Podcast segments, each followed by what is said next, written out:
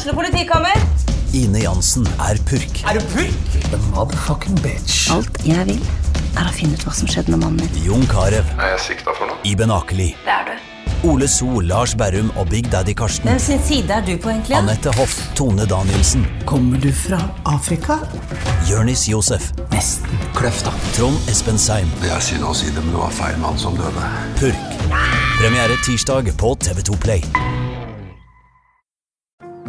Ungsamtalen fra DNB er økonomisk veiledning tilpasset deg som er ung. Bokk en ungsamtale på dnb.no. slash ung. Det er kjempebra hvis du skal inn på boligmarkedet, hvis det er drømmen din, liksom. Det er det du skulle sagt. Og så kunne du ropt litt mer, da, sånn som jeg gjorde. Bam! Oh. Record.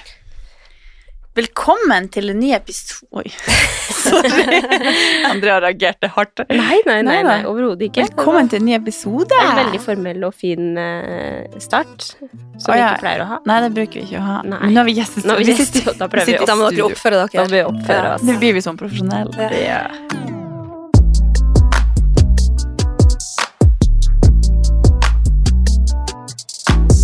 Men det var litt gøy når du skrev til meg eh, for én time siden cirka. Kommer du hit i kveld og podde? Jeg Bare, Ah, jeg tenkte bare Det må være så artig for deg å være partner med meg. Bare sånn, Det er sånn lille babyen din som du må passe på. Jeg har jo ikke så veldig mye jeg skal huske på i løpet av en dag nå når jeg er i permisjon. Men eh, altså, jeg hadde hele tiden følelsen det er et eller annet jeg skal. Og idet jeg sendte meldinga, jeg bare Satan, vi skal jo podde i studio! Var det klokka tre? Så var det heldigvis klokka fire. Så jeg, jeg sitter her litt sånn svett i barten. det går bra. Vi er her. Vi er her. Så ja, veldig hyggelig for deg, Lena, at Andrea hadde glemt av at du skulle komme. Godt at du kom. Ja. Det er ikke fordi, det, er ikke fordi kom, det ikke er viktig for meg. Det er ikke fordi at eh, liksom, Det er bare at det, det, det, det er sånn det er nå. Jeg glemmer alt. Veldig hyggelig at du kunne bli med i poden vår, Andrea, i dag. Det var bra. Så, Nei da, men velkommen, Lena. Takk for det. Podlytterne husker deg kanskje fordi at du har vært gjest her før, Ja. men vi kan jo ta en kjapp sånn recap av hvem du er igjen, hvis det er noen som ikke har hørt på den episoden. Ja. Jeg heter Lena Hansen, eh, bor i Stavanger. Er medeier og daglig leder av en crossfit-boks som heter CrossFit Ask. Veldig to- fin boks. Takk. Jeg har to gutter som nå er blitt 11 og 12 år. Eh, jobber som ja, daglig leder, trener, kostholdsveileder og mentaltrener. Mm. Så det er det jeg driver med i hverdagen. Ja. Mm. Og sist episode, vi hadde en liten sånn recap her, eh, hva vi egentlig snakka om da. Og det husker jo ikke vi, for vi har ikke hørt på den siden da, egentlig. Men hvis det er noen som ikke har hørt på den episoden, så er jo den også veldig fin. Men da er jo vi tre helt vidt forskjellige mennesker enn det vi er nå. Det føles ut som et annet liv, egentlig. Ja. Ja. Ett og et halvt år har gått fort. Jeg bodde yes. vel i Skien, og du Ja, det gjorde du kanskje. Jeg bodde i Skien, jeg, og hadde én unge, og det var jo helt Ja. fryd og gammen. Ja. Kødda. Men uh, ja. Og du har jo snakka litt om nå uh, til oss at det, du også følte at det var et litt annet liv, eller at det var litt uh, som har skjedd siden da. Ja. Vil du snakke litt om det? Ja, først så kan jeg jo bare si at jeg har eh, akkurat vært sjuk, så jeg har litt sånn håsstemme. Så jeg må Ja, kanskje kremte litt eh, og Sexy håsstemme. Kremte litt her og der. Eh, ja, jeg var jo her i mars i 2022. Mm. Eh, snak, fikk snakke om mentaltrening, som ligger mitt eh, hjerte nær. Eh, og det jeg ikke visste da, var jo det at eh, jeg var på vei egentlig litt ut forbi kanten i livet mitt. For noen måneder etter det så havna jeg eh, i ei sykemelding, eh, og fikk eh, Det er vel egentlig ikke en diagnose, da, men, men var liksom i en sånn tilstand som kalles utbrenthet. Mm. Oi. Eh, og eh, Ja, det, det traff ganske hardt. Um, men når jeg ser når jeg liksom ble Etter ei stund, når man, jeg begynte å se tilbake, så ser jeg jo det at det var ikke noe som kom i løpet av noen uker. Det er egentlig It's been coming for i noen år. Mm. Mm, men uh, har rett og slett ikke tatt signalene alvorlig nok. Uh, og siden jeg jobber med helse, trening og mental trening, så syns jeg jo det her var enormt flaut. Mm. Uh, at jeg ikke hadde klart å ivareta min egen helse. Egentlig verken ja, den mentale eller eh, tatt vare på meg sjøl i form av å gitt meg hvile, eh, pusterom, eh, egenkjærlighet. Alt du på en måte oppfordrer dine kunder Mm. til å gjøre. Klarte du ikke selv. Yes. Den er vel ganske typisk, egentlig. Vi er jo alltid, ofte veldig flinke til å si til andre hva de skal gjøre, og kanskje ikke så Ja. flinke til å, til å ta hensyn til seg selv. Men du sa du, du hadde fått mange tegn som du ikke Eller signaler som, eh, som du ikke tok hensyn til. Hvordan type signaler? Eh, ja, mange forskjellige, men én ting var Jeg var Jeg mista veldig mye glede i alt jeg gjorde. Ting som jeg egentlig hadde likt. Eh, klarte jeg ikke å føle glede over. Eh, ekstremt trøtt, uansett Ja, eller liksom Lite livslyst. Eh, og jeg sleit med søvn. Jeg fikk nesten ikke sove til slutt. Våkna gjerne tre på natta og måtte nesten bare gi tapt. Eh, Hadde mye tankekjør, tenkte på alt jeg ikke fikk gjort. Begynte å føle meg mindre og mindre verdt, mindre og mindre til nytte. Eh, begynte å slite med relasjonene mine til mennesker. Eh, og hadde mye dårlig samvittighet overfor ungene mine på grunn av valgene jeg tok. At det gjerne ble Jeg følte nok at jeg hadde mer ansvar på jobben, eller jeg tok på meg mer ansvar enn hva jeg trengte. Eh, så når jeg sa ja til det, da, så sa jeg jo nei til de. Mm. Eh, ja, så når jeg begynte Eller jeg husker jeg gikk hjem fra jobben fredag, eh, og da gikk jeg bare og la meg, og jeg sto liksom ikke opp igjen. Dette var i mai. Ja. Eh, sendte bare en jobb, eller en, en melding til jobb eh, den søndagen om at jeg er sjuk, jeg kommer ikke på jobb. Og da tenkte jeg at dette er bare snakk om å ta seg litt sammen nå.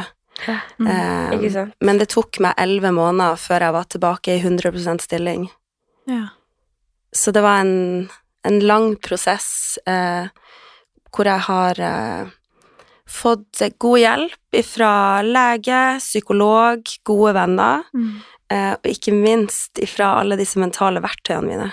Mm. Så jeg er så takknemlig for at jeg har den kunnskapen jeg har om hva trening gjør med helsa di, ikke bare den fysiske, men også den mentale helsa di. Mm. Eh, men også at jeg har liksom de her verktøyene i verktøykassa med hvordan jeg kunne mm, bygge meg sjøl opp litt bit for bit. Mm. Men under de her månedene trente du da?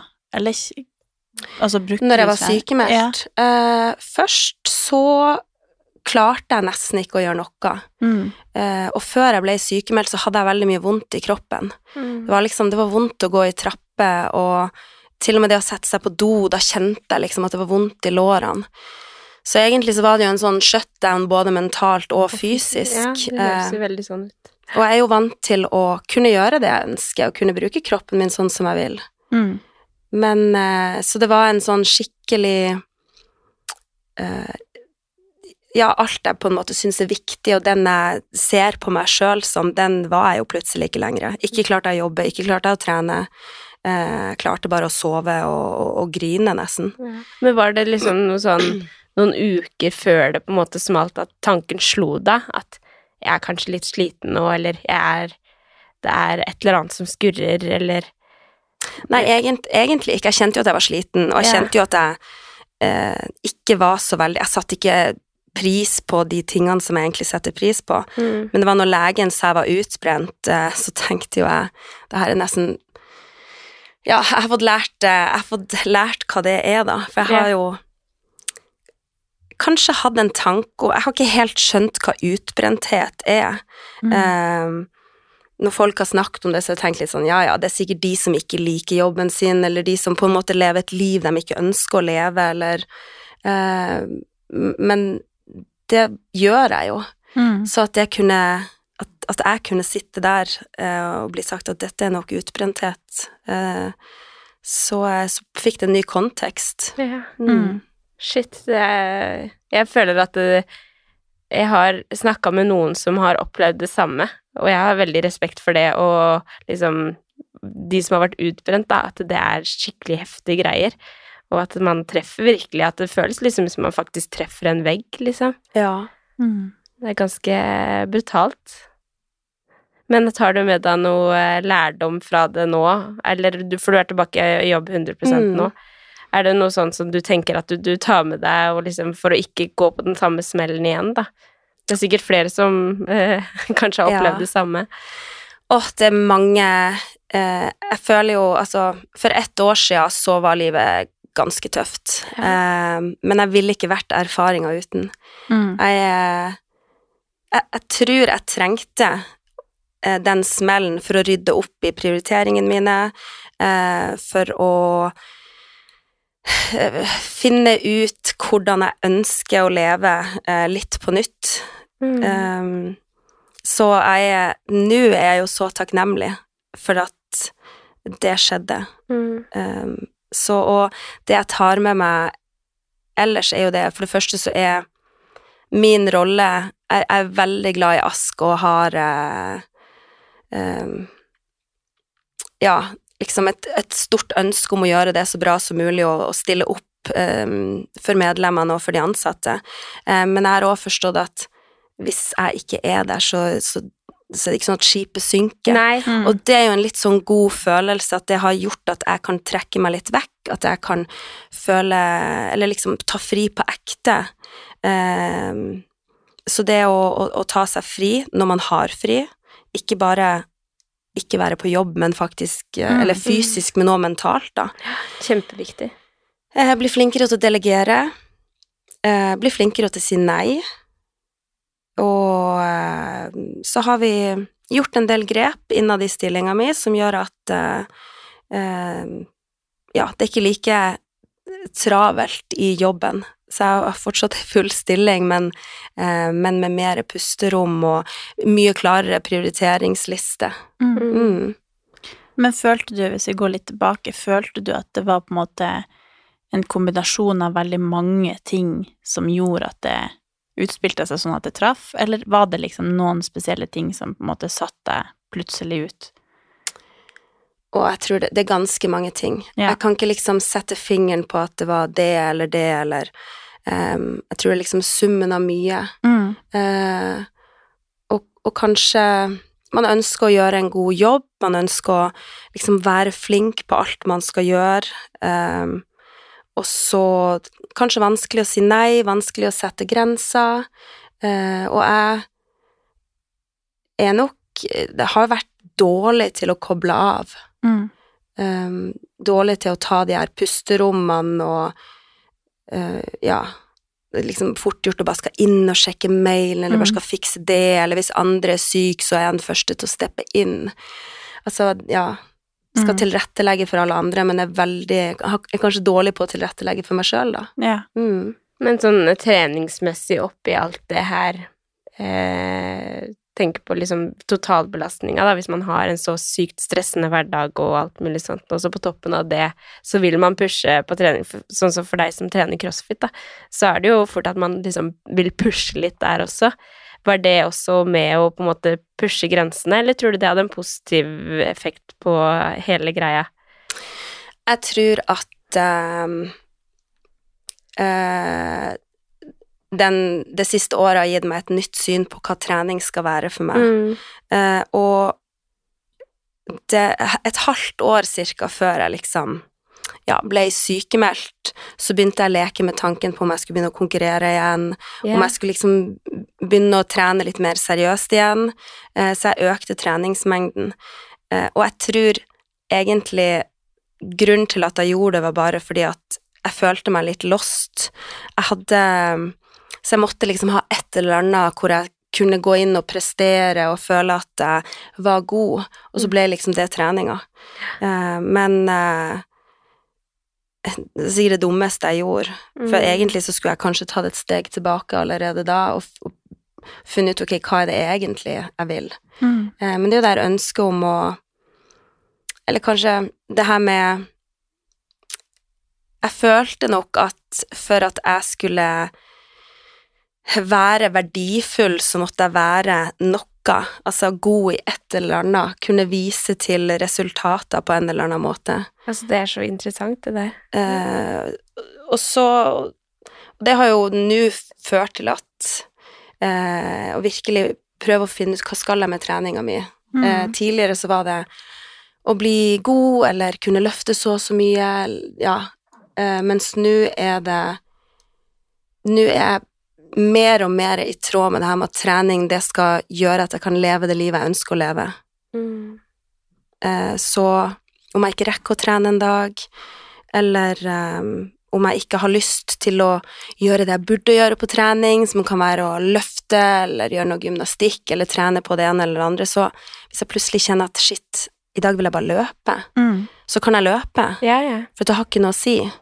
Så det der med å lytte til kroppen i større grad og kjenne hva det kroppen trenger, hva det hodet trenger, istedenfor å ha en sånn rigid plan Mm. på hva man burde, og hva alle andre gjør, og ja, så rive seg litt løs ifra gamle rammer som har eh, eh, vært viktig for meg før, men som ikke er viktig nå lenger, Mm. tydeligvis. Mm. Men er det da eh, For det er, jo, det er jo veldig vanskelig det der når man liksom kjenner at man begynner å bli sliten, og for deg som er så rå på mental trening, da. Du kan jo grave ganske dypt og liksom kjenne sånn Nå er det bare Nei, du må pushe på en måte. Skjønner du hva jeg mener? At Ja. liksom Når du har den kunnskapen du har, da, og kroppen strider imot, hvor du bare egen Du kan jo sikkert grave dypere enn de fleste fordi du har de verktøyene du har, da. Og det der å liksom finne ut av Nei, shit, det er jo fordi at jeg er jeg er utslitt, det er derfor, Mm. liksom. Hvordan var det? Ehm, ja, det er jo kanskje litt den der ta deg sammen-mentaliteten, eller uh, bare press deg gjennom det her, så yeah. blir du glad på den andre sida, eller fornøyd på den andre sida. Uh, men det tror jeg veldig mange er gode på. At vi er litt eh, At mange har med seg sjøl. Eh, og, og det trenger vi jo òg, for all del. Eh, men jeg kan ha Jobbe med to forskjellige mennesker hvor det kan være at de har forskjellige mål, men generelt noen er kanskje at de de er den typen person, eller de pusher alltid litt over grensene. Eh, når, kanskje det å drite i den økta i dag. Og så har du de som fort ramler av trening, eller så fort finner en god unnskyldning til ikke gå på trening. Så det er det å finne ut, ok, hva, hva er den egentlige grunnen til at jeg ikke vil trene i dag, eller hva er den egentlige Er det fordi jeg er sliten, eller er det fordi at jeg er lat, eller finner jeg unnskyldninger? Eh, og Akkurat det er ganske vanskelig. ja, Å finne den balansen der. mm, Man kan liksom kjenne at man er sliten, men at man er sånn Ja, men jeg vet jo at jeg blir glad hvis jeg bare får den treningsøkta, eller jeg vet at den mestringa gir meg det jeg trenger. ja. Og så tenker man ja, men jeg er jo er det liksom kroppen som sier ifra nå, eller hva, hva trenger jeg egentlig? Det er jo veldig vanskelig å Jeg føler ikke at jeg kjenner meg sjøl nok til å klare det. Nei. At man liksom prøver seg frem, og så finner man at ja, der ble jeg sjuk. så jeg trengte egentlig å hvile, og så i hvert fall i det stadiet som du var, hvor du hadde lyst til å på en måte øke treningsmengden og, og bli bedre, da, så må man jo også Da er man jo ikke i den modusen at man kanskje kjenner så godt etter på kroppen, for da skal man jo pushe seg for å bli bedre. ja. Da er det jo ekstra vanskelig å finne ut av liksom mm. av det, da, egentlig. ja. Og så har man kanskje veldig motivasjon, men så kjenner man at kroppen stritter imot, eller at man ikke har det, men kjenner at kanskje jeg egentlig bare trenger å komme liksom opp på hesten skikkelig, eller Mm, sånn når vi snakker om det med den podiepisoden vi hadde sist, og- det du snakka om at akkurat nå trenger du kanskje ikke det rigide, ja. så jeg jeg har endelig funnet liksom inn i det rigide, og funnet ut at akkurat nå så passer det meg, men at så er det sånn, ja, nå er det to måneder siden jeg starta, men nå begynner jeg å kjenne at nei, jeg vil egentlig ikke ha det så rigid lenger, eller Ja. Det går jo så veldig opp og ned. Altså sånn, er det bare at jeg da finner de her unnskyldningene jeg alltid har hatt, eller trenger jeg egentlig å ikke ha så mye rutine på det, at jeg bare gjør litt som jeg vil, fordi andre ting er stress og, og påvirker meg på en måte negativt i hverdagen. At Ja. man sliter litt med å balansere hvor skal liksom treninga ligge, hvor, eh, hvor mye trenger man ramme der hvis andre ting skorter, eller hvis andre ting i hverdagen er stress, trenger jeg da bare litt kontroll på trening, så hjelper det? Eller, altså, det blir bare sånn how to Kaos. Ja, man klarer ikke, jeg klarer ikke å finne, finne ut hvordan jeg skal plassere treninga inn i den kabalen, om det liksom gir meg noe, eller tar noe, Ja. på en måte. Um, man har vel hørt uttrykket at du angrer aldri på ei treningsøkt. Mm. Og den har, det har jeg gjort mange ganger. Jeg har kommet på trening, og, jeg, og, og jeg har liksom pressa meg til å gå på trening. Og så tenker jeg, når jeg kommer dit, eller er i gang, så bare fy fader. Det var ikke verdt det. Dette er det siste jeg burde gjøre nå. Mm.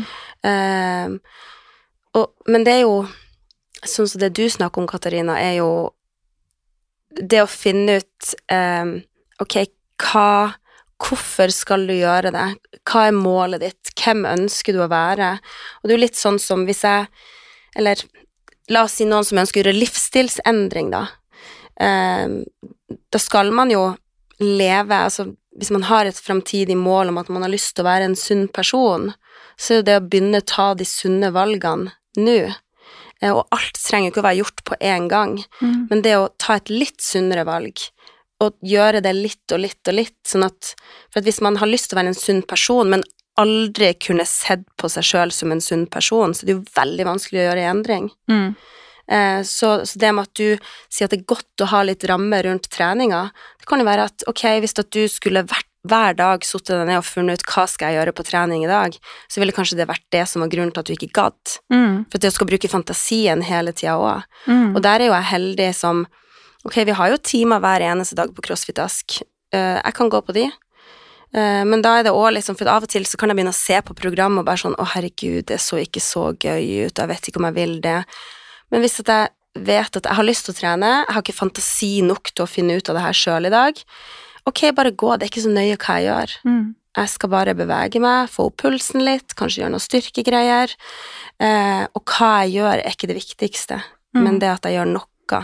Mm. Fordi at målet mitt er ikke å bli dritgod, eller målet mitt er bare at jeg skal eh, kjenne på eh, gleden av å bevege meg, kjenne på mestringa av å gå på trening. Um, det skal ikke bli en negativ greie i livet mitt. Det skal ikke gi meg dårlig samvittighet. Mm. Det har jeg ikke lyst til lenger. Mm. Og det Mm. da, hvis man kjenner at man er litt sånn på randen, så er det sånn Ja, men kanskje grunnen til at du finner de unnskyldningene, er fordi du egentlig er veldig sliten, eller trenger Mm. å, å slippe på en måte opp i den forventninga til deg sjøl også. At man er litt snillere med seg sjøl. At ok, kanskje det ikke passer meg lenger å ha seks økter i uka, jeg begynner å bli eldre og har veldig mange andre ting som Ja. forpliktelser og ting som, som på en måte presser fra andre kanter enn det det gjorde før, da. Som gjør at man kanskje må være litt snillere med seg sjøl. At man, man er kanskje ikke skrudd sammen på samme måte lenger. At man må fjerne noen av de forventningene, eller Men samtidig så Ja. Så er det jo kanskje Det å se på historikken med seg sjøl. Sitter man ofte og angrer på at man ikke gikk på trening? Sitter man ofte og bare sånn åh, nå hadde jeg alle de unnskyldningene. Eh, nå dukker samme unnskyldning opp. Det å være litt eh, ærlig med seg sjøl eh, og bevisst på er dette bullshit som jeg finner på for å ha det behagelig, eller er det ekte?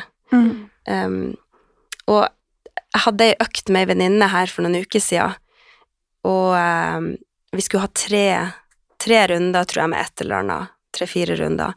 Og når vi holdt på med runde nummer to, eh, så begynte jeg å tenke sånn Oi, jeg vet ikke om jeg har tid til siste runde, for jeg skal jo på kvelds til ei venninne.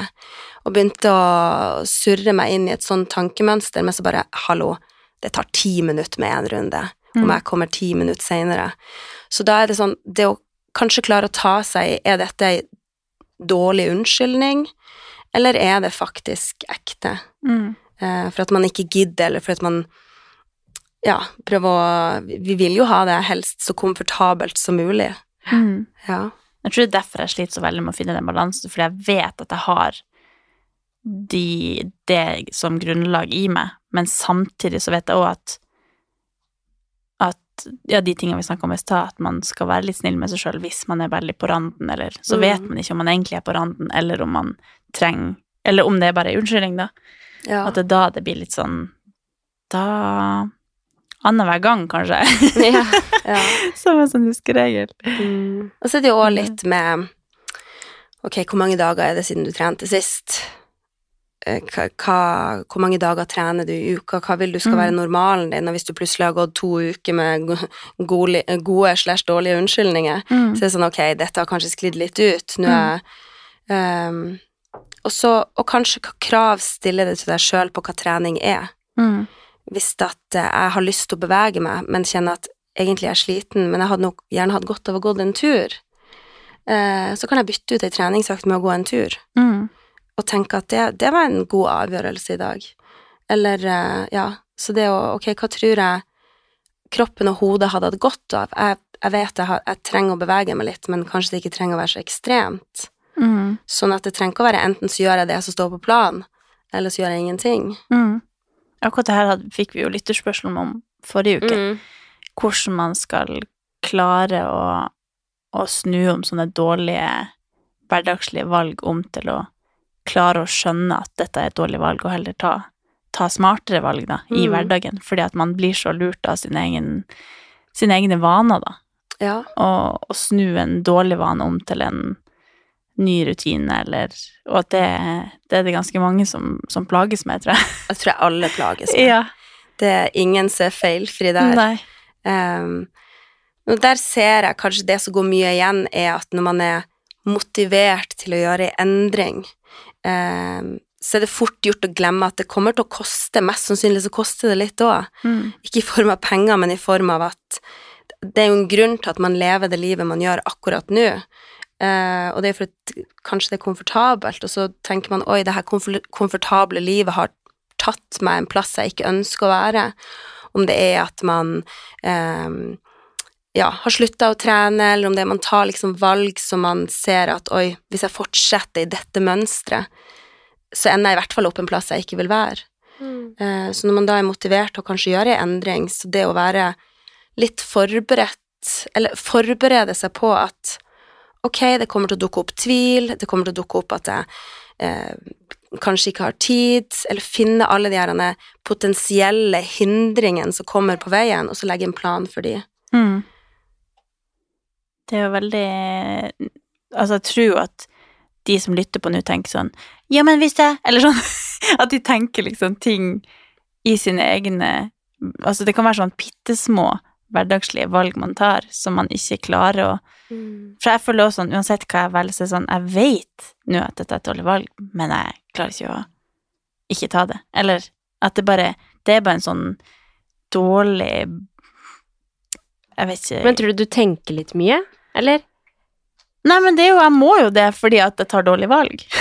så hvis ikke jeg tenker mye, så tar jeg i hvert fall de dårlige valgene. Ja, men hvis du ikke hadde liksom Hvis du ikke hadde tenkt så mye, sånn skal jeg dra på trening, skal jeg ikke dra på trening, at du bare hadde dratt på trening Ja, men nå tenker jeg i hovedsak på mat og sånn.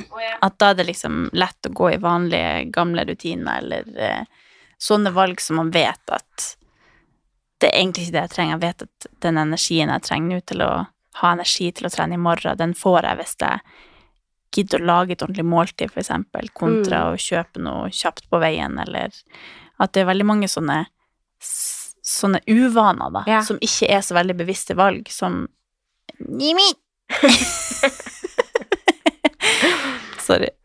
Nå datt jeg ut av det. Luca is in the building. Yes. Jo, men jeg skjønner hva du mener. Ja.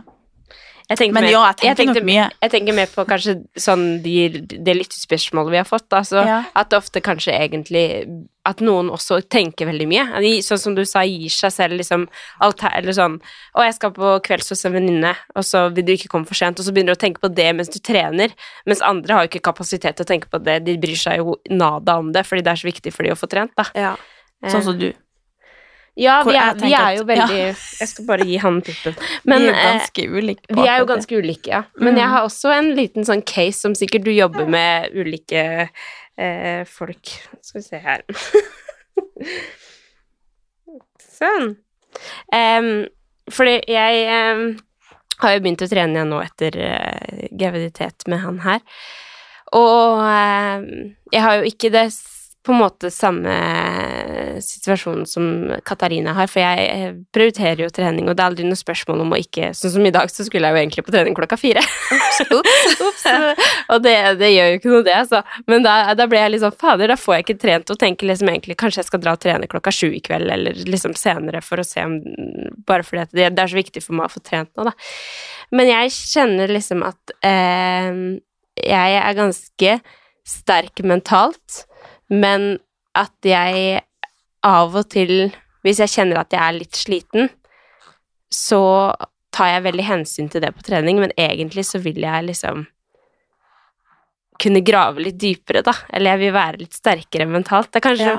kanskje mer sånn som du jobber med liksom de som ønsker å bli ordentlig gode da, i, Ja. på trening.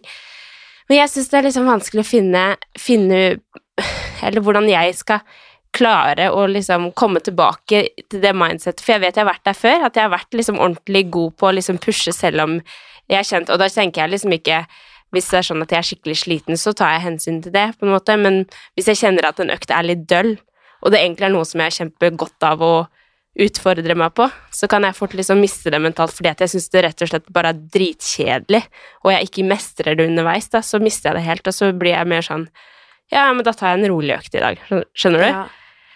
Og den har jeg lyst til å bare Kan jeg ikke bare legge fra meg det? Kan jeg ikke bare bli bedre på å pushe der, liksom?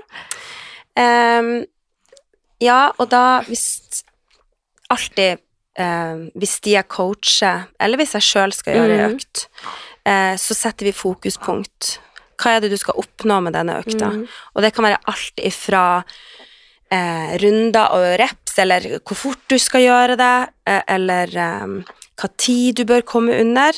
Men det er sjelden vi har det fokuspunktet.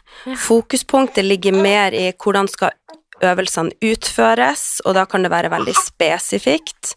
Um, at eh, ok, når du gjør thrusters, husk å puste på toppen, albuene opp i bunn. Eh, så istedenfor å se på hele økta, som enten så går det bra, eller så gjør du det ikke så bra, så deler vi opp økta inn i mange små punkt, sånn at man kan se nesten på det som en sjekkliste, sånn at istedenfor at enten så får du under 15 minutter, og det er bra, eller så får du over, og da er du misfornøyd, så kan du ha mange små punkt som du kan kjenne mestring på, og som du kan putte fokuset ditt på. Um, så, så veldig sjelden setter vi mål som handler om hvor rask du skal være. Eh, men heller tenke For det blir jo litt kvantitativt. Så det å tenke på kvaliteten på det du gjør, eh, og det gir mye større rom for for det første å klare å holde fokus, eh, og for det andre å være veldig konkret i hva arbeidsoppgavene dine. Ja. Eh, og det kan være så enkelt som hvis vi har wallwalks på timen Nå ble vi veldig crossfit-spesifikke. Ja, ja. er det noen som bare sånn 'Å, det er en kjedelig øvelse', og det er liksom å, blir så sliten i skuldrene, eller Så er det sånn, ok, men hvor mange steg tar du når du går inn til veggen? Hvor mange steg tar du når du går Få ut ifra veggen? fra liksom Yes, og ja. plutselig så har øvelsen ikke bare å komme seg opp og ned, det har vært og hvordan du gjør det på veien. Ja. Um, så det å være Når du ser ei økt, bryte den ned og tenke ok, hva skal jeg få ut av dette, da? Mm. Hva skal være mine fokuspunkt, hva er mine mål? Annet enn uh, å bare skulle liksom pushe deg beinhardt, og at det er den eneste tingen du kan måle um, mestring og suksess på, da. Ja, det er veldig godt poeng, egentlig. Men jeg tenker sånn um, eh, Hvis det er liksom en, en ganske lang og drøy økt, da, ikke nødvendigvis liksom for å komme fortest mulig i mål, men sånn Hvilke verktøy kan jeg da bruke for å liksom finne fram liksom selvtilliten, da, for det, jeg føler kanskje ofte det er det Ikke Huff meg. Ikke selvtilliten, men liksom at det kan Jeg kan bare miss... Altså, jeg føler liksom at jeg bare Jeg slacker for å slakke, men egentlig så har jeg kapasitet til å gjøre det veldig Eller å, pushe meg mer, liksom. Jeg vet ikke hvordan jeg skal forklare det, men Kjed, er det det at du kjeder deg? Nei, jeg tror jeg bare det finner en komfortsone i at på en måte jeg er i såpass god form at her kan jeg holde meg, og det er bra. Eh, men så vil jeg egentlig, når jeg kommer i mål, så kan jeg egentlig være veldig mye mer sliten enn det jeg egentlig er, da, hvis du skjønner. Ja, men når du trener, da, hvor mange økter har du i uka? Cirka. Fem-seks. Ja, og eh, liker du å pushe hardt på alle øktene? Nei, det gjør jeg ikke. Overhodet ikke. Men det er, det er det jeg mener, at jeg føler at jeg har ganske god balanse på det. At jeg, ja. For jeg tenker, det er sjelden egentlig jeg har de der nede i kjelleren-øktene. Ja. Mens noen ganger så kunne jeg ønske at jeg på en måte fant spare de der ekstra superkreftene i visse økter, fordi jeg merker at jeg selv blir veldig snill mot meg selv i selve økta. Ja. Noen økter har jeg kjempekontroll, fordi at jeg føler at det her er min hjemmebane. Sånn som gymnastikk syns jeg er kjempegøy, ikke sant, og Mm. der pusher jeg og Fran og liksom sånn, det er sånn åh, da, bare, da får jeg vinger fordi at det er liksom mitt Jeg elsker det, på en måte. Ja. Men så er det noen ganger så kommer det sånne lange, lange, lange 3000 meter roing, ikke sant, og jeg bare Det er jo dritt, ikke sant? og så Og da blir jeg sånn hvor, hvor skal jeg hente de der kreftene i hodet mitt da, liksom? Hvor, hvorfor føler jeg at Det er sikkert helt normalt, men jeg har bare så lyst til å bare legge fra meg. Og hvis du, sånn som du sier, det er helt dritt, det er jo kanskje fordi at du Altså, hvis du er god på gymnastikk, så er det jo ikke noe rart du får godfølelse på det. Nei. eh, men da tenker på de øktene hvor du kjenner nesten at du egentlig ikke har lyst til å gå. Ja. eh, så bør jo Hvis du er motivert for å bli bedre, så er nesten dem økten eh, å prioritere. Velge å prioritere. Velge å pushe på de. Ja, og, og noe med det å eh, Jeg òg kan ofte kjenne at å, dette så litt kjedelig ut, eller eh, eh, Ja, å, dette er jeg ikke så god på. Nesten blir litt sånn Å, men jeg liker jo best å gjøre det jeg er best på. Yeah. Eh, men det å ta meg sjøl i det, litt sånn som den der dårlige unnskyldningen. og tenke ok, men jeg har jo egentlig lyst til å bli litt god i alt. Eh, så det å, å gå inn her, og så være litt sånn nysgjerrig på hva som skjer i hodet ditt. Eh, ta deg sjøl på Oi, nå ligger jeg litt sånn her i komforten, men jeg ble jo enig med meg sjøl om at jeg skal pushe. Ok, eh, hvis du sitter og skal ro 3000 meter, da, eh, hvordan er roteknikken din? Mm. Eh, følge litt med på, finne mestringsstrategier som Ok, hvor mange strokes har jeg på 100 meter? Ja, for det har jeg begynt å jobbe litt med, faktisk. Ja. Og bare det å istedenfor å bare se en 3000 meter i sin helhet, Mm. dele han inn, Mm. og sette deg små mål underveis. Eh, for det blir nesten det samme som om hvis du skal gjøre Hvis du skal ha et veldig langsiktig mål, og ikke har delmål på veien, Mm. så blir jo det veldig fjernt. Yeah. Og hvis du da har ei økt som du egentlig gruer deg til, du syns den er litt kjedelig, du er ikke så god i det, eh, så det å klare Ukens annonsør er Hello Fresh, og Hello Fresh er verdensledende matkastleverandør. Oi, vent, magen min rumler. Oi. Jeg blir så sulten. av altså, det, Hello Fresh er så digg. Det har ikke vært en eneste uke der det ikke har vært digg mat. Jeg skjønner ikke hvordan jeg skal klare å kopiere oppskriften etterpå, fordi de har så mange smarte sånn krydder som alle har hørt om, og det er liksom Det er helt enormt gode oppskrifter hver uke. Og man kan velge mellom 25 ulike. Og denne uka så har jeg valgt eksempel familievennlig, tidseffektiv, eller hva det heter, og kalorismart, sånn at det er liksom sunt og godt og raskt, og, men samtidig næringsrikt. Og det som er kjekt, er jo at hvis du vet du skal ha gjester, eller hvis du vet at du skal eh, trenger mat for flere personer, så kan du bare adde flere personer i selve matkasseleveransen.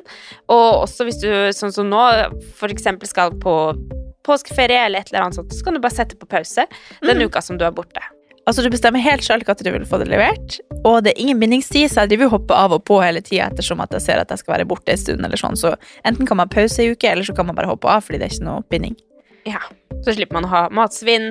Jeg har i hvert fall erfaring med det at når jeg har Hello Fresh, så kaster jeg mye mindre mat. Ja. Og jeg eh, er mindre på butikken, kjøper mindre ræl, liksom. Det er jo det som er. Hvis man er på butikken hver eneste dag, så kjøper man jo masse ting man ikke trenger. Det er Ja. så digg å bare få det levert på døra. Altså, det, det er jo kjempebillig. Det er jo, altså, du, de siste årene jeg har brukt det, så har det vært helt magisk.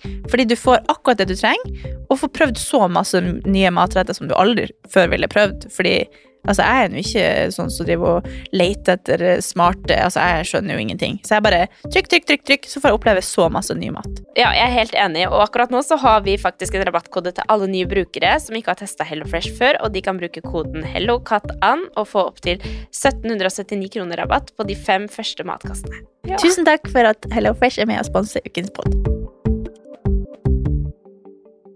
Å dele det inn i, i mindre mål, og også være litt bevisst på eh, Dette har jeg jo sånn helt egentlig lyst til å bli bedre på, for dette vil jeg også kunne mestre. Mm. Ja. Faen, det er så interessant, altså. Jeg syns jo Jeg føler på en måte at jeg eksperimenterer litt i meg selv, for jeg drar jo på alle disse Ja. øktene som jeg eh, syns at ser kjempekjedelig ut, da. Kan av og til liksom tenke unnskyldninger og sånn, jeg drar alltid på de, fordi Ja. jeg vet at jeg skuffer meg selv hvis jeg ikke drar. Men, eh, men eh, så møter jeg liksom av og til på de øktene hvor jeg bare Skal jeg gi meg nå? Skal jeg Eller bare fordi at det, det bare mister det, da. Ja. Men eh, det, så det er jo også En case for meg også er at jeg ønsker veldig å bli sterkere, men føler meg ikke som en sterk person, ikke sant, så jeg går rundt hele tiden og sier til meg selv Men jeg er ikke sterk. Eller sånn, og da blir jeg jo ikke sterkere heller, på en måte.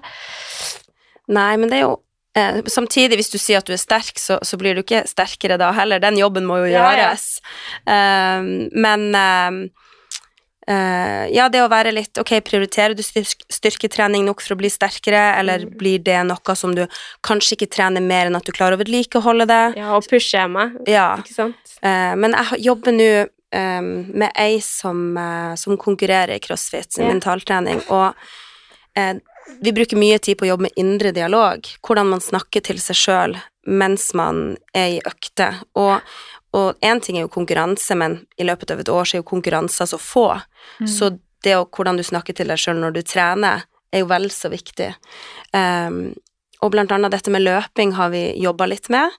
Uh, og finne ut Ok, hva sier du egentlig til Tenk igjennom. Hvis du skal prøve å utvikle den indre dialogen din, da, og være, jo konkretisere det litt, så først skriv ned tre til fem ting som du ofte sier til deg sjøl, sånn negativt selvsnakk når du sitter på romaskinen, for eksempel, eller løper eller gjør noe annet du, du føler du ikke mestrer så godt. Og så, når du har funnet de tingene, så Det kan være for eksempel Jeg liker ikke å løpe, jeg er altfor treig når jeg løper. Eh, jeg er ikke sterk nok. Eh, jeg en Liksom, jeg har ikke potensialet til å bli så sterk. Eh, alle de negative tankene som dukker opp. Og så finne ut hvordan det påvirker deg. Hvordan påvirker det eh, deg før du skal trene, hvordan påvirker det deg i treninga, og hvordan tror du det påvirker resultatene dine overall. Mm. Neste steg er å tenke gjennom hva vil du heller tenke. Um, så kanskje at uh, jeg ønsker å bli bedre å løpe, Uh, jeg aksepterer at jeg ikke skal gå og løpe nå, men nå jobber jeg med det, jeg tar tak i svakhetene mine. Ehm, jeg er lett på tå. De positive tingene som du har lyst til skal poppe opp i hodet. Lett på tå, jeg tenkt. Eller ja, løping er Ja. faktisk noe jeg liker, da. Men jeg, det, det hjalp meg å bli glad i å løpe Ja. og tenke lett på tå, lett Ja. på tå, og så bare la, liksom, lure kroppen til å føle seg lett, liksom. Det funker veldig bra. Hvis. Veldig hot tips. Og så er det siste er å faktisk implementere det i treninga. Mm. Og sånn som nå, hun, hun jeg nevnte, hun, har, hun begynner å mestre løpinga bedre og bedre. Og det er for at hun har trent mye på å putte inn disse nye Det nye selvsnakket inn i løpeøkter.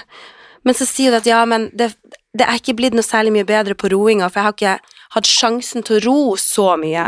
Så det med dette å snu det her indre selvsnakket, det er òg kanskje gjerne spesifikt i forhold til oppgaven.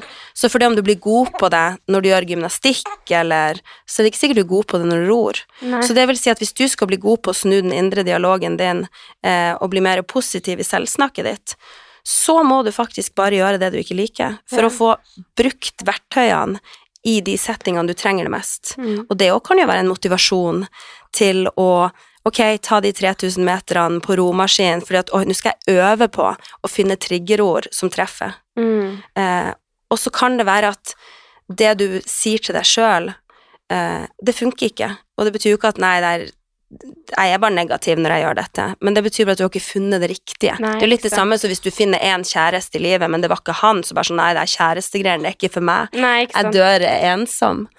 Eh, så det her med å være sykt nysgjerrig på å teste nye ting, og hvis det ikke funker, ok, hva skal jeg teste nå? Hva tror jeg kan funke? For at en gang så vil du finne eh, Mest sannsynlig finne det som kanskje er litt nøkkelen. Yeah. Men dette er jo Og det er jo litt sånn som eh, Vi har ikke snakket så mye om hva mentaltrening er, men mentaltrening er jo eh, Som styrketrening for kroppen, så er mentaltrening styrketrening for hodet. Og for det om du mestrer noe nå, men hvis du ikke bruker det, så vil det Det er jo sånn som er jo et prakteksempel på at kunnskap eh, som ikke blir brukt, det det er ikke så sterkt. Mm. Sånn at det å eh, bruke verktøyene ofte og bli bedre og bedre på det, Så det må en snu en indre dialog. Eh, det krever mye trening, og det krever prøving og feiling. Og jo mer man feiler, jo mer vet man hva som ikke funker. Mm. Shit, det er så interessant, ass. Jeg håper at eh, Jeg skal bruke det. Ja. Og bare se åssen Jeg har jo ikke noe mål, jeg skal ikke konkurrere, jeg skal ikke Men jeg bare føler at det er viktig for meg for at jeg skal eh, er, Jeg er nysgjerrig på det, da, Ja. og syns at det er veldig spennende hvor hvor eh, god man kan bli, da, eller liksom sånn for, for sin egen del, bare. Og bare utfordre meg selv litt. Det å kjenne på mestring. Ja. Eh, Det å liksom se på seg sjøl som um, Ok, her har jeg et, et problem som jeg har lyst til å løse, og da Ok, da må jeg bli en problemløser, da. Ja. Og, og det å finne verktøyene til å komme seg noen steg videre. Og det er jo gjerne ikke Og så opplever jeg ofte at eh, noen blir enormt skuffa hvis de har bestemt seg for at i dag skal jeg være sykt positiv på trening. I dag skal jeg liksom bruke alle de her kraftordene og triggerordene, og, eh, og så kommer de på trening, og så etter treningen de er sånn Nei, altså, det var jo tankekjør som bare juling Ja, det oppi tok, hodet tok og sånn. Ja, så er det sånn, jo, men man er jo ikke perfekt. Nei. Og det er jo til og med de beste Mm. har jo en tvil der. Mm. Eh, men de har jobba for å klare å snu han kjapt. Ja. Eh, og det var jo ikke sånn de ble født, mest sannsynlig. Det, var, det er jo mer en, en hard innsats som er lagt inn. Eh, så det her med å eh, anerkjenne den innsatsen og forstå at eh, det kom ikke gratis, da. Mm. Men har du jobba med noen som mentaltrener, noen som har vært utbrent eller har blitt det?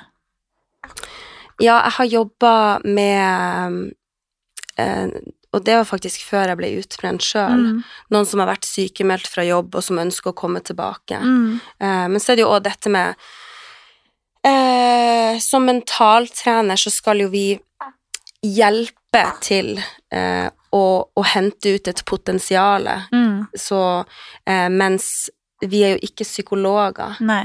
sant, sånn at eh, det kan jo være at kanskje noen går til psykolog og mentaltrener parallelt, for at Ja. man får litt forskjellige ting ut av det.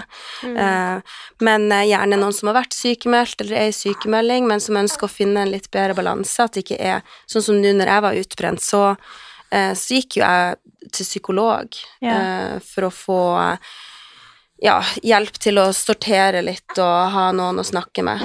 Um, men um, å, å gå til en mentaltrener òg hadde vært veldig fint, og det handler jo om å um, Dette med hvordan håndtere stress bedre. Uh, ja. Men hvordan syns du det var på en måte oppleve det på kroppen kontra hva du på en måte har hørt om det før?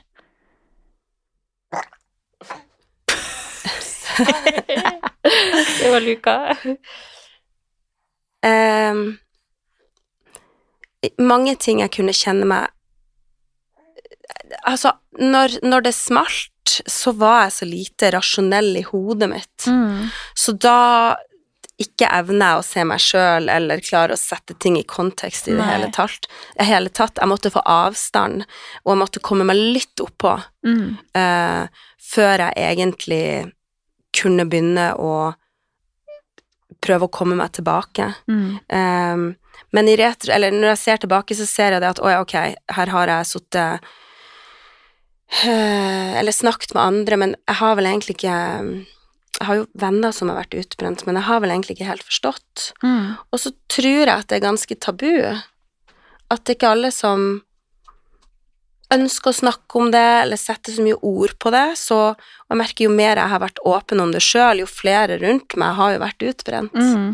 Eh, og det hadde jeg aldri fått vite, hadde ikke vært for at jeg kanskje har sagt det først. Mm. Mm. Men tror du det har vært litt en faktor som har spilt inn på at du lot det på en måte gå så langt at du på en måte har eh, sperra litt for at du kunne bli det, med tanke på at du Du, du sa jo at du syntes det var litt flaut, og at du kunne bli det når du er mentaltrener sjøl. Om de tingene har spilt litt inn til at det skjedde òg?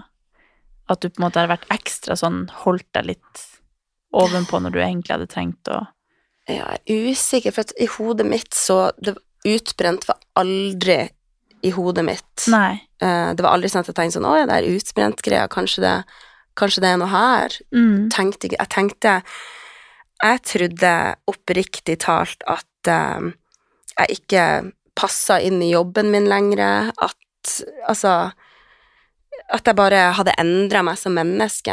Eh, Mm. når jeg ble sykemeldt, så, så trodde jeg ikke jeg kunne gå tilbake til samme yrke ever Mm. again. Men hadde du det også oppi halsen, på en måte? Ble du kvalm av det? Ja, jeg kunne ikke gå på ask eh, på en god stund, og de første gangene jeg var der, så bare gråt jeg. Mm. Um, så jeg, jeg trente litt en annen plass i en periode, og eh, mens nå så eh, Jeg kunne jo aldri gjort noe annet. Nei. Mm. Det er liksom Og ja, det er så fjernt at jeg har sittet med de tankene og følelsene eh, for bare et år siden. Mm. Fordi at jeg vet så innmari godt at jeg er på riktig hylle i livet, men det er litt hvordan ja, hvordan jeg innreder den hylla mi, da. At eh, jeg vet jeg har den jobben jeg ønsker å ha, og jeg har de menneskene rundt meg som jeg ønsker å ha, men så er det liksom hvordan balanse har du mellom de forskjellige tingene. Ja. Men hvordan følte du at det var å komme tilbake?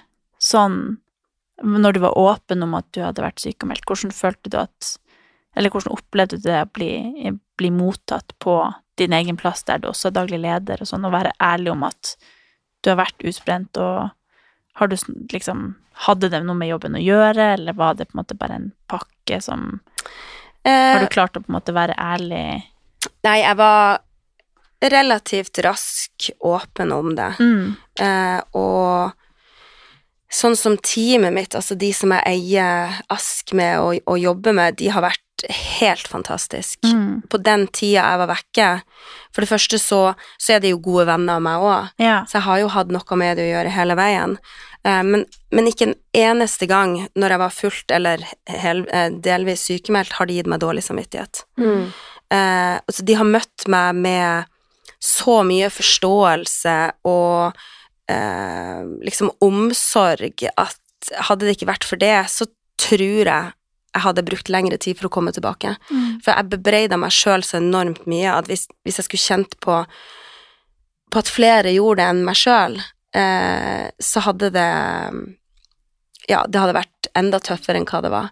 Mens de har liksom Du tar den tida du trenger. Ask står her. Vi er liksom bare interessert i at du skal bli bra, og at du skal ha det bra. Eh, og sammen med medlemmene. Jeg har møtt så enormt mye omsorg og eh, takknemlighet eh, Ja, både for at Ja, bare Nei, så det er liksom Det har vært veldig rørende. Mm. Og det òg setter jo eh, ting i, i perspektiv i og med at dette er Det er arbeidsplassen min, men det er så mye mer enn det. Jeg er yeah. omgitt av eh, helt en gjeng med skikkelig bra folk, altså. Mm. for det er jo egentlig jeg som skal ivareta de, på en måte, men så er de jammen der og eh, passer på meg og Mm. mm. Tror du det hadde vært sånn eh, Hvis det hadde vært et annet slags treningssenter, eller tror du det har At det, det bunner i at det er et crossfit-senter?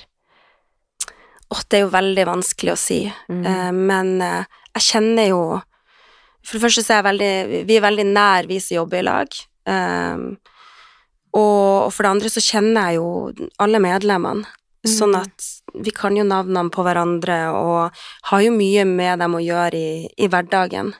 Uh, og det, det er jo ikke sikkert hvis jeg hadde jobbet på treningssenter med 3000 medlemmer, at Nei, man hadde hadde liksom. Ja. Mm. Så det er veldig sånn kollektiv greie at uh, Ja, at det Vi står litt sammen. Mm. Og så har det jo sikkert vært flere som har kommet til deg og sagt at de har opplevd det samme. Ja, Mm. det er det. Eh, og det å eh, det, var liksom, det er jo skummelt å skal være åpen, for at man liksom det, Ok, hvor personlig skal man være, hvor privat skal man gjøre det, hvor mye tilgang Hvor mye skal de få vite om meg, eller liksom både de som står deg nær, de som er litt sånn litt på avstand, men også de som kanskje ikke kjenner deg så godt. Eh, men en del av min reise har jo vært om det å lære meg å være glad i meg sjøl, uavhengig av hva jeg får til, hvor sterk jeg er, hvordan jeg ser ut.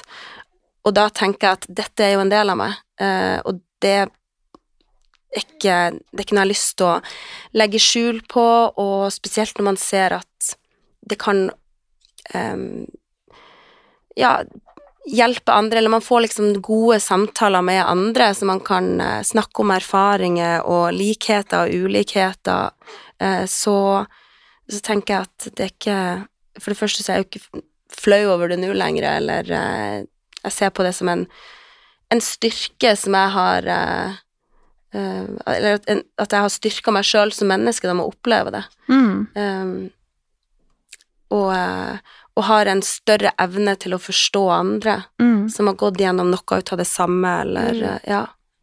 Tror du det er noe vi alle skal igjennom? Å, det Alle har jo Eller alle, alle, man skal jo aldri si aldri og aldri si alle, men eh, de fleste har jo eh, små eller mindre kriser som man skal gjennom i løpet av livet. Mm. Og nå husker jeg ikke helt eh, det riktige tallet, men det er en ganske stor andel av befolkninga i, eh, befolkninga i Norge som skal gjennom en depresjon. Mm. Og, eh, og, og bare det er jo liksom Det er veldig lite snakk om det. Mm. Eh, for det er jo ja, det er et tabubelagt tema, Mm. eh, men så er det jo helt normalt. Det er jo flere som blir deprimert enn en som føder, liksom, Ja. nærmest. Så, så hvorfor Ja. Um, men det Så du vil også si at det du var igjennom, var en slags depresjon? Det ble jo Det, det begynte med utbrenthet, men ja, det, det ble liksom begge deler. Mm. Og det er for at plutselig Jeg visste ikke hvem, hvem jeg var, eller hva jeg var i stand til, og jeg Altså, jeg hadde Jeg syns så lite om meg sjøl. Eh, og, og så klart, når du ikke liker deg sjøl, så tror du jo ikke at noen andre liker deg heller. Eh, så, så jeg, jeg følte meg ekstremt alene. Um, fordi om jeg hadde folk rundt meg, så, uh, så følte jeg ikke at jeg fortjente den omsorgen, eller uh, var liksom veldig forundra over at de gadd. Mm. Um, ja. Og så det her med tap av glede, av ting som egentlig har gitt deg masse glede før, og jeg er litt sånn jeg griner lett fordi jeg er lykkelig, og jeg kan sitte i bilen på vei til jobb, og sola skinner, og en fin sang kommer på, og så gråter jeg fordi jeg gleder meg sånn til å gå på jobb, liksom. Ja, ja. Litt den, et stort følelsesspekter, og plutselig var jeg helt flat. Ja. Kjente ikke på noe, og jeg kjente ikke engang på så mye omsorg for andre. Det var liksom skremmende å være helt sånn I don't care. Folk snakka, jeg så det, men jeg bare ah. Mm. Eh, og så trodde jeg først at Oi, tenk at jeg har blitt sånn. Dette er meg, liksom. Ja. Sånn er jeg, og jeg klarte jo ikke å like den personen. Eh, heldigvis så, så var det en kort periode i livet som eh, Ja. Men du sa du gikk til psykolog. Eh, husker du på en måte Er det noe du kan plukke ut fra det som du Liksom noen verktøy som du brukte der, som, som du kan huske? For liksom, du nevnte liksom at du skal bli likt uavhengig av liksom hvordan du presserer, og hvordan du Jeg tror veldig mange kjenner seg igjen i det, at det det er jo en måte på en måte å få respekt for seg selv og, Mm. og av andre fordi du ser sånn og sånn ut, eller fordi du presterer på den og den måten, og liksom kunne legge det helt bort, da. Er det noe du lærte hos psykologen? Nei, eh, og psykologen så snakket vi mest om hvordan jeg skulle komme tilbake i arbeid og klare å eh, balansere jobb og, og, og fritid. Det var liksom de Ja. Eh, så dette med eh, selvfølelse og, og de tingene, det er ting som jeg har blitt litt bevisst på sjøl. Mm. Eh, fordi at når jeg satt der og følte meg verdiløs, så visste jeg jo samtidig at det er jo ikke sant, for at alle har en verdi. Men allikevel så sa alt av tanker og følelser av at men det har ikke du, så det var liksom en sånn, et stort sprik imellom det jeg tenkte og følte, og det jeg egentlig visste var fakta, den rasjonelle hjernen min, hva den tenkte. Eh, og da fant jeg ut at shit, sånn her, sånn her, det her ønsker jeg ikke, sånn her vil jeg ikke ha det. Og hvordan skal jeg jobbe med tilbake, eller liksom jobbe for å få den her, ja, bli glad i meg sjøl uavhengig av eh, hva jeg får til, eller eh, Mm. eh, Og da begynte liksom eh, Ja, så jeg jobba mye med det, og jobber fortsatt med det. Jeg tenker at det er sikkert noe jeg kommer til å jobbe med resten av livet. Mm. Det her må være veldig bevisst på. Det kan være så lite som at plutselig så ønsker jeg å legge ut noe på Insta. Så blir jeg litt sånn, ok, men hvorfor skal du legge ut dette på Insta? Er det for at du vil ha likes? Eller er det for at du faktisk vil dele et eller annet? Eh, for forskjellen er jo det at ok, her har jeg et eller annet jeg ønsker å komme med, som jeg har lyst til å dele, eller så kan det være at oi, eh, jeg trenger bekreftelse på at det jeg gjør er bra nok. Mm. Så jeg har vært veldig lite eh, på sosiale medier, egentlig, og det er nesten mest for å verne om Jeg er nesten av og til usikker på hvorfor jeg gjør det, og jeg, jeg vil ikke at hvordan jeg føler rundt noe jeg har gjort, skal bestemmes av likes. Nei. Så jeg er litt forsiktig med For jeg, jeg tror nok jeg fortsatt er At det kan være sårbart for meg. Ja. Mm. Mm. Interessant. Um, Men hvordan syns du det å Eller hvordan opplevde du det å være mamma samtidig som du følte at du var på en måte litt på bånn, da? åh, jeg følte jo ikke at jeg fortjente å være mamma. Nei, for du sa også at du ikke følte noe særlig glede, og Mm. prøvde du på en måte å skjule det?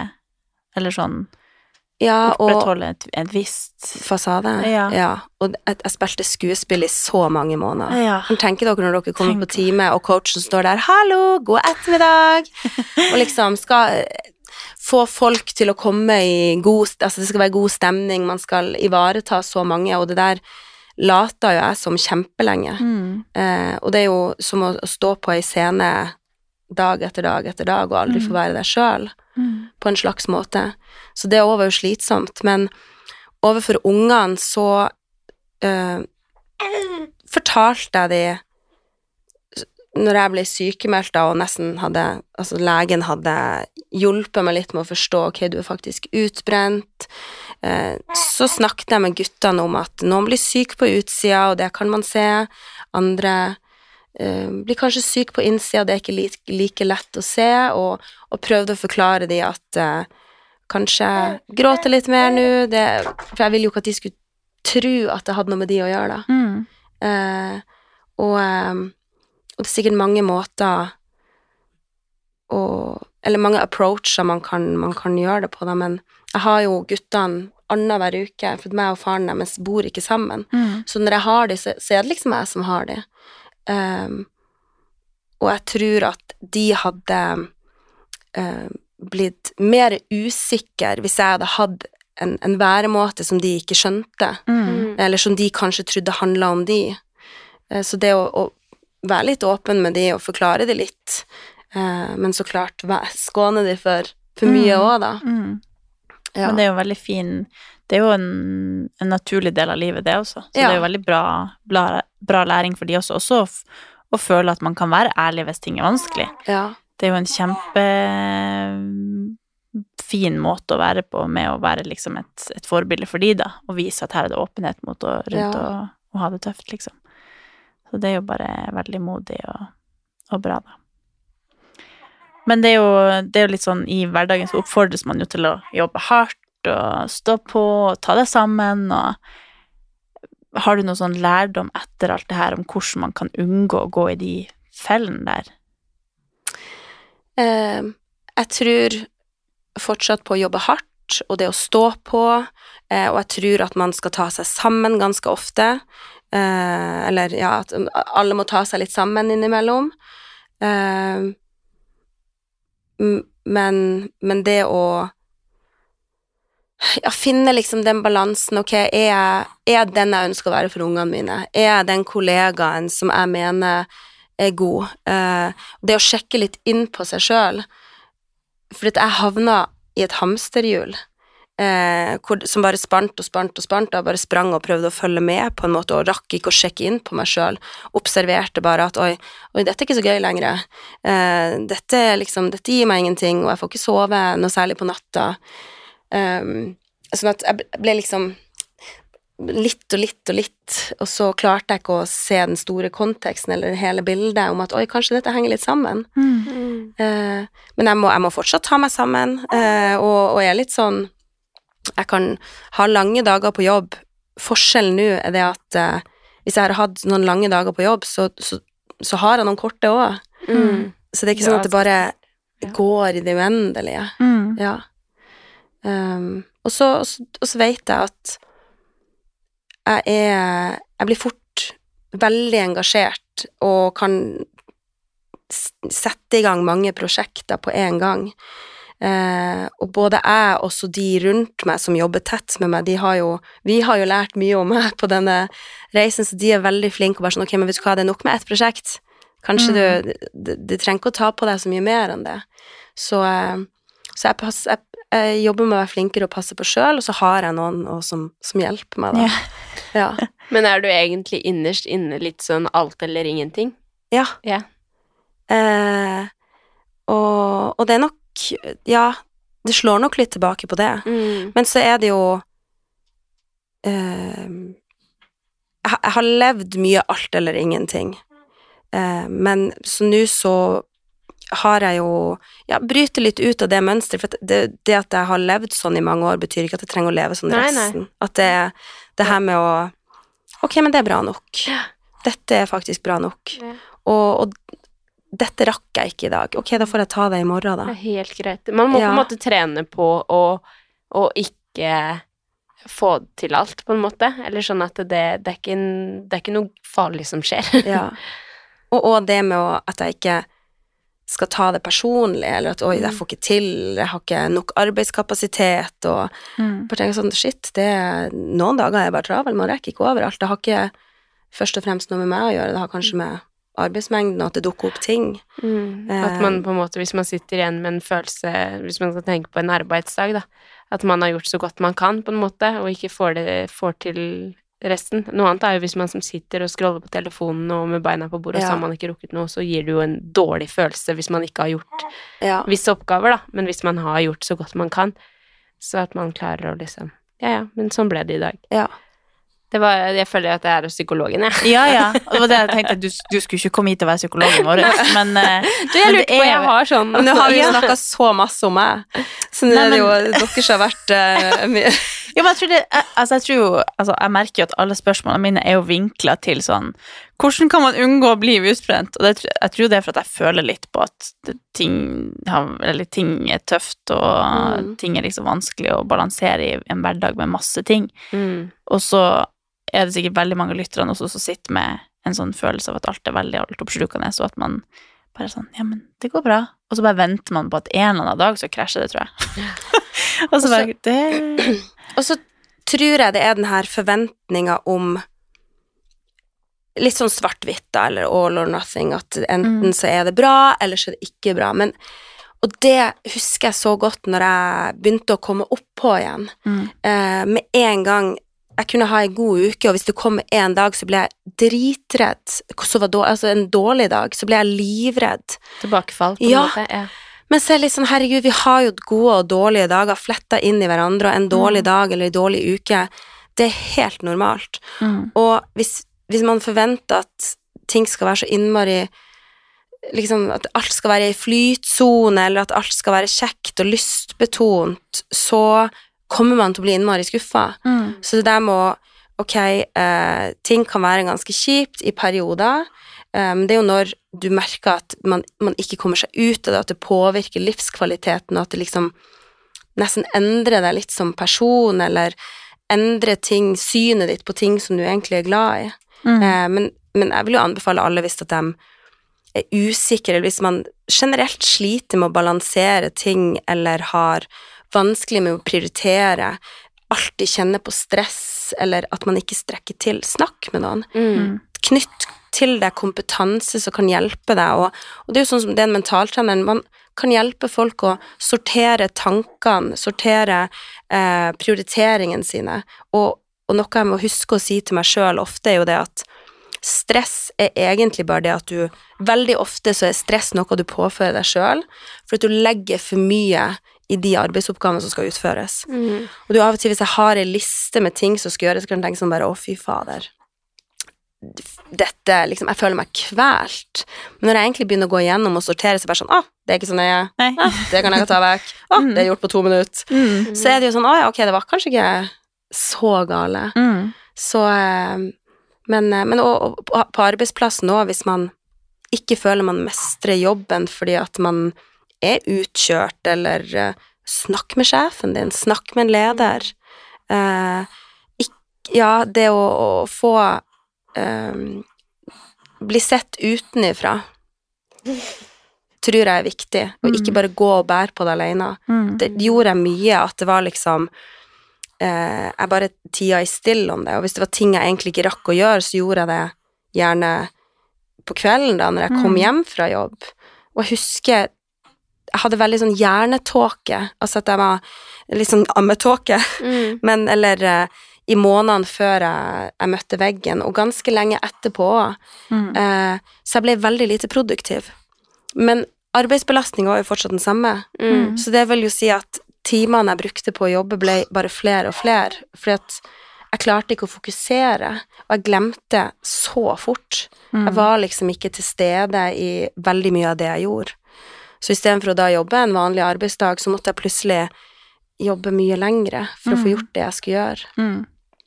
Um, og, og bare sånne ting er jo litt sånn Ja, ok, kanskje, kanskje er det noe Mm. Er det noen varseltrekanter her som jeg skal ta hensyn til, eller Og også det med hvis det er ting som du vet du egentlig elsker, da. Ja. Altså, som bare ikke gir noen glede lenger, eller hvem er jeg, og hva Ja.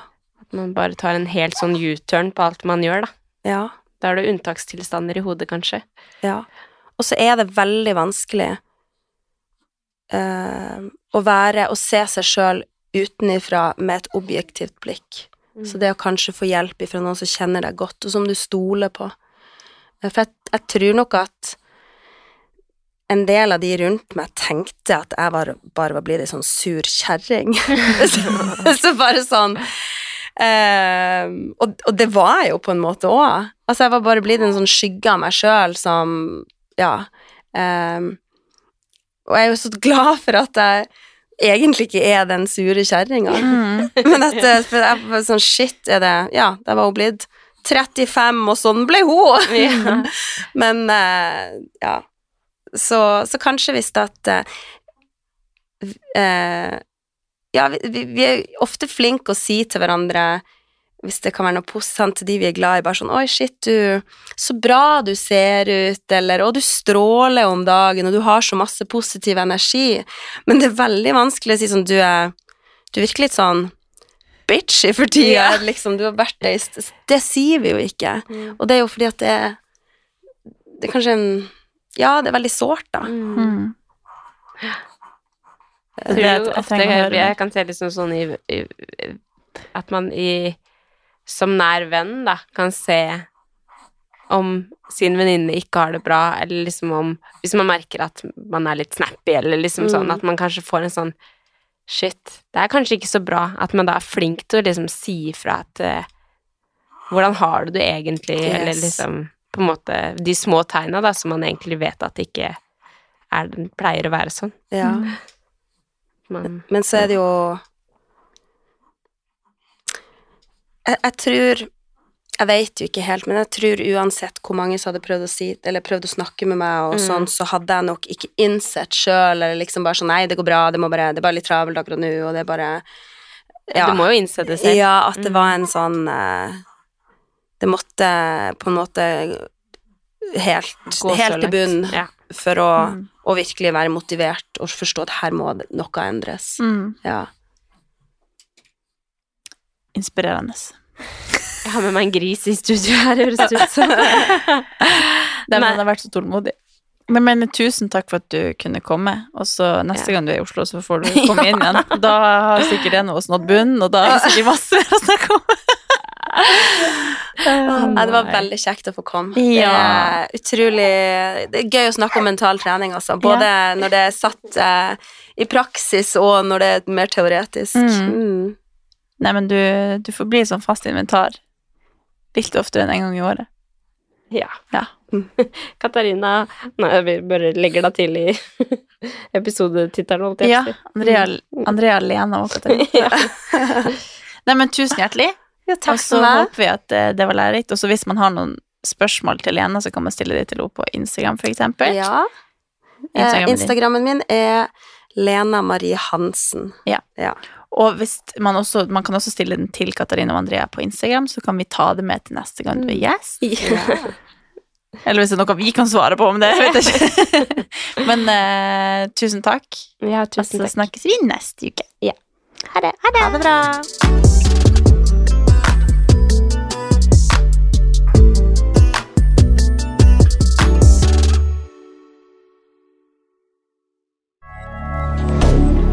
Moderne media. Har du et enkeltpersonforetak eller en liten bedrift? Da er du sikkert lei av å høre meg snakke om hvor enkelt det er med kvitteringer og bilag i fiken, så vi eh, gir oss her, vi. Fordi vi liker enkelt. Fiken superenkelt regnskap.